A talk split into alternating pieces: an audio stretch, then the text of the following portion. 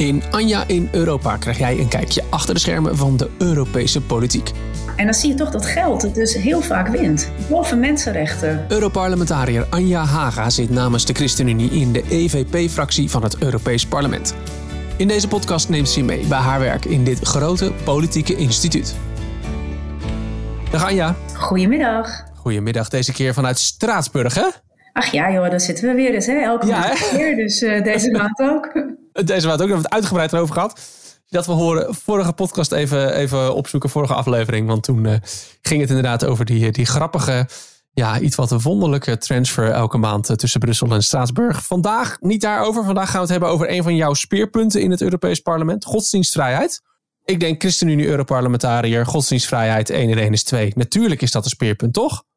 Ja, natuurlijk is dat een speerpunt. En eigenlijk noem ik het zelf geloofsvrijheid. Want ik denk, uh, als christen voel je dat ook zo. Je hebt een geloof. Uh, je gelooft in God. En godsdienst, ja, dat, dat is een wat afstandelijke begrip. Maar je hebt helemaal gelijk. Het is echt een belangrijk punt. Want christen zijn is voor mij ook de basis van wie ik ben. Van waaruit ik leef. En ja, ik heb het gevoel, ik denk dat elke christen dat wel heeft. Ja, je probeert zo goed mogelijk te leven. Zo als je als christen dat zou willen doen. En iedereen doet het op zijn eigen plek. En ik heb het gevoel uh, dat ik dat in de politiek uh, zou ja, moet doen. Dat doe ik ook. Ja. En uh, dat ik zeker de stem van christenen moet zijn. En dan vind ik echt dat de vrijheid om te geloven een heel belangrijk punt. Dus daar maak ja. ik me echt hard voor, ja. Het is wel groot, de stem van christenen. Dat is wel, daar leg je zelf ook wel een beetje druk op of zo. Ja, dat klinkt misschien wel gelijk heel groot. Maar ja, uh, iemand moet uh, het doen. ik, zit, toevallig hier in, Straatsburg deze keer namens de ChristenUnie. Um, dus dan voel ik het wel als mijn opdracht als Europarlementariër namens de ChristenUnie... dat ik de stem van de christenen ben in het Europees Parlement. En het is ook echt wel belangrijk, merk ik. Want um, je ziet dat het aantal christenen zeker in het westen van Europa, steeds meer afneemt. de kerken lopen steeds meer leeg. Dus je wordt een steeds kleinere minderheid. En um, daarmee wordt je geluid ook kleiner. En als je niet oppast, dan word je helemaal niet meer gehoord. En wat mij opvalt in het Europees Parlement is dat de progressieve liberalen heel erg de mhm. neiging hebben om uh, progressieve waarden te benadrukken. En het uh, christelijke geluid mag er niet zijn. Alles wat religie is, moet eigenlijk verbannen worden als het, wat het hun, uh, hun betreft. En daar heb ik grote moeite mee. Dus ik vind het heel erg belangrijk dat het christelijk geluid er ook mag zijn. Ja. En dat we daarvoor staan. En als wij, als niemand dat doet in het Europees Parlement, ja, dan, eh, zeker als christen moet je dat doen. Ja, ja, ja, juist als christen natuurlijk. Want ja. klinkt ook wel een beetje somber bijna. Als jij zegt iemand moet het doen. En als ik jou hoor zo praten over hè, progressief, nou ja, progressief liberaal. Die zeggen hè, juist de, dat soort waarden en de, de, de religieuze waarden een beetje ja, ondergesneeuwd dreigen te raken. Hoe is het gesteld met de aandacht voor godsdienstvrijheid in het Europees Parlement? Uh, nou, voor mij is het, uh, ja, niet negatief. Ik voel me er uh, zeer gedreven, gemotiveerd om me hiervoor in te zetten. Eh, maar ik merk dat bij verschillende voorstellen die we hebben, of het nou gaat over verandering van verdragen, of over kinderrechten, of over van alles en nog wat, dan wordt eh, bijvoorbeeld uh, vrijheid van onderwijs. Dan wordt er ook expliciet uh, in opgenomen dat uh, onderwijs openbaar moet zijn, dat dat geen religieuze aspecten mag hebben, dat de Europese Unie, um, dat op Europees niveau dit geregeld moet worden. Ja, mm -hmm. dan denk ik, kom op, we hebben in Nederland bijzonder onderwijs. Dat vind ik een heel groot goed. Um, dat is nu aan de lidstaten. Laten we dat ook vooral bij de lidstaten houden. Dus ja. dat soort voorstellen zal ik gewoon nooit steunen. Het is eigenlijk ook een beetje gek, toch? Ik bedoel, liberaal, dan zou je toch juist denken liberaal is toch ook ergens keuzevrijheid? Dat jij kiest ja. voor een openbare school of je kiest voor een school met een religieuze achtergrond. Dat exact. kan toch? Het, uh, het, zou moeten zijn van hey, iedereen heeft de vrijheid om te kiezen of je nou wel of niet gelooft. Um, maar zij hebben, je hebt de vrijheid om te kiezen zolang je maar niet gelooft. Ja, ja. hallo, daar gaat iets mis. Dat is, uh, dat is raar eigenlijk. Ja. Dat vind ik heel raar. En uh, daar verzet ik me tegen. Ik ben gelukkig niet de enige Europarlementariër die zich daartegen verzet. Je ziet over de verschillende politieke groeperingen heen, vooral in de ECR, dat is een conservatieve groep, en binnen de EVP, mijn eigen groep, echt wel meer mensen die vinden dat die vrijheid van godsdienst, van geloofsvrijheid, echt moet blijven. Maar een tendens is wel dat de meerderheid zegt, nou, dat kan wel minder.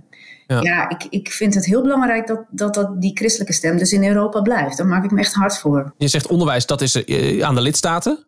Um, hoe zit dat met, überhaupt met geloofsvrijheidsthema's? In hoeverre kan het Europees Parlement of de Europese Unie daarin iets doen? Nou, dat is een hele goede vraag, want um, geloofsvrijheid is in principe een uh, Europese competentie, zo noem je dat dan, dat het een bevoegdheid is van de EU, zolang het gaat over buitenlandbeleid. Dus het gaat over beleid buiten Europa. Dus daar heeft de Europese Unie echt wat te zeggen. En ik zit ook in de Buitenlandcommissie en de Mensenrechtencommissie. Dus daar staat dit onderwerp ook heel vaak op de agenda. En dan hebben we het over landen als bijvoorbeeld Pakistan, die hele strenge blasfemie, godslasteringswetten heeft, waar christenen om minst of geringst in de dodencel belanden. Nou, daar maken we ons heel erg hard voor um, dat de Europese Unie in haar contacten met zo'n land daarop hamert en die mensen vrij krijgt en uh, nou ja, zorgt dat die mensenrechten daar um, gehandhaafd worden. Um, Maar dat gaat dus echt over landen buiten de Europese Unie. En dat is dan wel echt een EU-competentie. En binnen de EU is het geen competentie, maar zie ik dat heel veel progressieve liberalen dus uh, de neiging, en ook uh, binnen de Groenen zie je dat veel trouwens, en de Sociaaldemocraten ook, um, dat ze dan wel de neiging hebben om, waar het kan bij voorstellen, um, ja, geloof uh, te marginaliseren, weg te poetsen. En dat is geen competentie van de EU, maar dat proberen ze wel naar zich toe te trekken door dus te zeggen, bijvoorbeeld onderwijs moet je Europees gaan regelen, wat nu niet geregeld is. En denk, ja, dat moeten we dus ook niet Europees gaan regelen. Nou, nou zeg je, geloofsvrijheid is uh, niet per se een taak. Hè, binnen de landsgrenzen, binnen de EU-grenzen is geloofsvrijheid niet per se een taak van de, van de EU. Dat is aan de lidstaten zelf. Uh, daarbuiten wel. Hoe kun je daar dan als EU toch op de een of manier ja, een vuist maken of, of gezamenlijk optreden. Als je toch zegt van we laten heel veel binnen de EU, dat laten we dat aan de lidstaten, maar daarbuiten willen we één geluid laten horen. Hoe, hoe krijg je dat voor elkaar? Ja, buiten de EU zit het hem eigenlijk vooral op uh, uh, handelsrelaties. Bijvoorbeeld als je kijkt naar uh, Pakistan, wat ik al noemde. Ehm, dat is een land waar specifieke handelsbetrekkingen mee zijn. Die hebben een speciale status, GSP Plus noemen we dat betekent dat ze extra voordelen hebben op handelstarieven. En um, dan kan je dus via voorstellen via het Europees Parlement aangeven: hey, als Pakistan niks doet aan haar wetgeving rond blasfemie en ervoor zorgt dat christenen uit die dodencel gaan, um, ja, dan moeten we misschien eens kijken of we die handelstarieven uh, wat minder voordelig maken. En dan merk je dat dat werkt en dat de regering van Pakistan denkt: oh verdorie, dit willen we niet. Um, misschien moeten we toch wat uh, actie ondernemen. Dus daar um, kan je echt via dat soort routes wel invloed uitoefenen. En we hebben ook een speciaal gezant voor godsdienstvrijheid. En het is zijn taak ook, Frans van Dalen, om um, met landen in gesprek te gaan en dit soort zaken bespreekbaar te maken. Dus hij is onze vooruitgeschoven post, zeg maar. Dus in die zin maakt de EU dan wel een, een vuist en laten ze één geluid horen uh, naar, naar zo'n land als Pakistan. Uh, ja, nou, dat, dat oh, zeg je zo. Ja? het is geen geluid. Nou, kijk, via de Buitenlandcommissie en de Mensenrechtencommissie waar ik zit, hameren we er heel erg op. Um, maar er zijn ook bewegingen binnen het Europees Parlement die toch het economisch belang belangrijker vinden dan geloofsvrijheid. Dus er is wel een continue strijd daartussen. Je ziet het bijvoorbeeld ook met India. In mhm. Manipur, in de regio van India, zijn ook heel veel christelijke kerken verwoest afgelopen zomer. En um, daar hebben we, heb ik al verschillende keren proberen aandacht voor te vragen. Maar India is ook een heel groot land en heeft, is belangrijk voor de EU qua handel. Dan merk ik toch dat bij veel mensen um, ja, het geld voor de dominee gaat, zeg maar. En men denkt, ja, het is wel heel erg, maar we moeten gewoon geld verdienen. En ja. um, dus dan zie je dat ook die geloofsvrijheid, wat een competentie is van de EU buiten de EU, niet automatisch uh, nageleefd wordt. Daar moeten we op blijven hameren. Ja, het is ook een beetje, ja, weet je, inderdaad, we vinden het heel belangrijk, gelo uh, geloofsvrijheid, godsdienstvrijheid, heel belangrijk. Ja, totdat we er zelf problemen mee gaan krijgen. Totdat het uh, ons in de portemonnee raakt. Dan, dan, ja, dan, dan kunnen we het misschien wel aan de kant schuiven. Dat, ja, dat, nou, dat ja. merk je bij veel mensen wel. En dat vind ik zorgelijk. Dus ik, ben, ik zit daar bovenop. In oktober had jij een ontmoeting met de Armeense minister-president Nicole Pashinyan. Uh, waarom kwam dat zo tot stand en, en, wat heb jij hem kunnen zeggen? Ja, dat uh, was een belangrijke ontmoeting met deze minister-president van Armenië. Van Armenië want uh, van zomer heeft Azerbeidzjan uh, de enclave Nagorno-Karabakh uh, is binnengevallen, heeft Armeniërs verdreven. Er is inmiddels geen enkele Armeniër meer over. En ook het erfgoed, het, het, christelijke erfgoed wat er is, is ook voor een groot deel vernietigd. Ehm, we, hebben daar, kregen een uitnodiging van deze minister-president om met hem in gesprek te gaan. Een heel aantal Europarlementariërs die zich druk maakten over deze zaak. En, want Armeniërs die hebben al sinds het begin van de 20e eeuw, dus rond de Eerste Wereldoorlog zijn, heeft daar een genocide plaatsgevonden door de Turken op de Armeniërs. Dat is echt gruwelijk. Meer dan anderhalf miljoen mensen zijn daar vermoord. Dat was eigenlijk de eerste holocaust. En um, dat is nooit erkend door Turkije. Er zijn nog steeds landen die daarover twijfelen of dat gebeurd is. Maar alle geschiedschrijving laat zien dat dat gebeurd is. Hitler heeft een gedeelte van zijn holocaust daarop gebaseerd. Hij heeft een lering uitgetroffen en toen vervolgens de Joden uitgemoord. Um, dat is dus een hele kwalijke uh, gebeurtenis. En die Armeniërs, die leven daar, wat nog over is van het volk. En die liggen dus continu onder vuur. Want het is een land wat omringd wordt door islamitische landen. En um, ja, uh, Azerbeidzjan die aast op de grond en die verdrijft dat volk daar. Ja, ik vind dat wij als Europese Unie, die staan voor de geloofsvrijheid, maar ook voor menselijke waarden, voor gerechtigheid, uh, rechtvaardigheid vinden we belangrijk. Ja, dan kan je dit niet laten gebeuren. Dus ik heb daar verschillende keren aandacht voor gevraagd en ook um, bij de Europese Commissie en de buitenlands gezant Jozef Borrell. Daar komt niet direct ook een bevredigend antwoord op, want de Europese Unie heeft een gasdeal met Azerbeidzjan. Uh, en dan zie je weer dat ook geld, uh, ja, het gaat om geld in dit geval, belangrijk is. Maar goed, um, de minister-president Pashinyan had wel in de gaten dat ik me hier hard voor maak. Dus daardoor werd ik ook uitgenodigd voor dat gesprek. En dat was heel goed, want eigenlijk werd ik daarin bevestigd dat we richting Azerbeidzjan heel heldere uh, kaders moeten stellen en niet zo moeten marchanderen met waarden zoals dat nu gebeurt. Ja. Want daardoor denkt Azerbeidzjan, zie je, kom ermee weg. Ja, wat maakt dat uit? Hè? Ze aasen nu al op andere delen van Armenië. Ja, dan, is, dan laat je dat ook gebeuren als EU. En dat moet je niet doen. Heeft dat gehoor gevonden? Ook jouw oproep om, om inderdaad een beetje een vuist te maken tegen Azerbeidzjan? Of in ieder geval uh, niet, niet zomaar uh, uh, het geld boven de mensenrechten te verkiezen daar? Uh, tot op zekere hoogte. Uh, de Europese Commissie heeft toegezegd uh, dat er wel een aantal miljoenen worden vrijgemaakt om de Armeniërs te ondersteunen. Dat er ook een VN-missie heen gaat op het gebied van UNESCO om, om het erfgoed te beschermen. dus er worden wel wat acties ondernomen.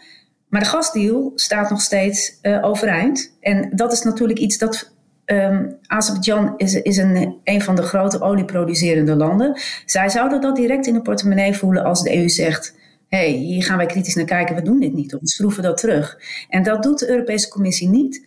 Dat vind ik zeer kwalijk. En uh, wat ook heel cynisch is, is dat we hebben net de klimaattop, de COP28 achter de rug in Dubai, ook al een olieproducerend land. Nu heeft Azerbeidzjan aangegeven dat zij het volgende uh, land willen zijn wat de klimaattop gaat organiseren. En dat is dus verschrikkelijk eigenlijk, want ja, zij horen bij dat oliekartel. Hoe ongeloofwaardig is dat dat zo'n land zo'n top gaat uh, organiseren waarbij het uitstoten, uh, het, verminderen van de uitstoot en terugdringen van fossiele grondstoffen en brandstoffen centraal staat. Dan zouden ze in hun eigen portemonnee moeten snijden. Dat doen ze niet. Dus, dat is heel, dus ik vind dat um, ook hier de Europese Unie haar rug recht moet houden en moet zorgen dat die klimaatop daar niet gaat plaatsvinden. En een Sian detail uh, Armenië had zich ook gekandideerd voor, deze, voor de volgende klimaattop. Maar die heeft haar kandidatuur ingetrokken en um, haar steun uitgesproken voor de kandidatuur van Azerbeidzjan. In ruil voor het, voor het dat uh, militaire gevangenen worden vrijgelaten. Oh, ja, weet je, dan denk je toch, dat had niet gehoeven als de Europese Unie, de Europese Commissie, eerder uh, had laten weten: Azerbeidzjan gaat te ver. Dan had Armenië zich niet gechanteerd uh, hoeven te voelen en dan deze ruil moeten doen. Dus ja, ik, ik blijf hier bovenop zitten. Ik vind het gewoon niet kunnen. Ja, het is politiek op dit niveau dan cynisch, hè, soms. Ja, en dan zie je toch dat geld het dus heel vaak wint. Ja, ja. Boven mensenrechten. Ja. ja vreselijk. Als jij dit nu zo schetst, denk ik, jongen, jongen. Uh, ja, uh, laat maar misschien bijna, weet je wel. Het heeft toch geen zin. Nou, dat denk ik niet. Ik denk niet later. Oké, ja, nee, dat is maar goed ook. Jij zit daar, ik zit hier, dus dat is heel goed dat jij daar zit dan. Hè? Nee, dan wordt het vuurtje wel bij me aangewakkerd van... hé, hey, hier gaat iets fundamenteel fout. Uh, hier moet ik bovenop zitten. Dus ik blijf hier dan uh, aandacht voor vragen. Tot vervelend toe. Maar dan kom ik weer terug op het eerste wat ik zei. Iemand moet het doen. Ja, ja, ja, en, ik oh, ja, ja. Dan, uh, en dat bedoel ik eigenlijk als een positieve uitspraak. Want iemand moet het doen. En ik doe dat heel graag. Uh, ik wil dan graag wel die stem zijn voor die mensen die onrecht wordt aangedaan. En ik vind dat Armeniërs groot onrecht wordt aangedaan. Ja. En dan vind ik dat de EU daarvoor moet staan. Dus ik doe dat heel graag uh, hier in het Europees Parlement. Heel goed, heel goed. Gelukkig maar. Hey, dan heel eventjes, je noemde, je noemde net ook nog een ander land, Pakistan. Uh, dat, dat is natuurlijk ook een land waar, uh, ja, waar godsdienstvrijheid ook behoorlijk onder druk staat. Zeker als je christen bent. Kun je iets, iets, iets concreets noemen? Wat, wat jij of wat het, wat, wat het Europees Parlement heeft kunnen doen om daar christenen te helpen? Ja, nou iedereen kent denk ik nog wel uh, de zaak van Asia Bibi, een aantal jaren geleden. Die uh, is vrijgekomen mede door mijn voorganger Peter van Dalen, die zich er hard voor had ingezet.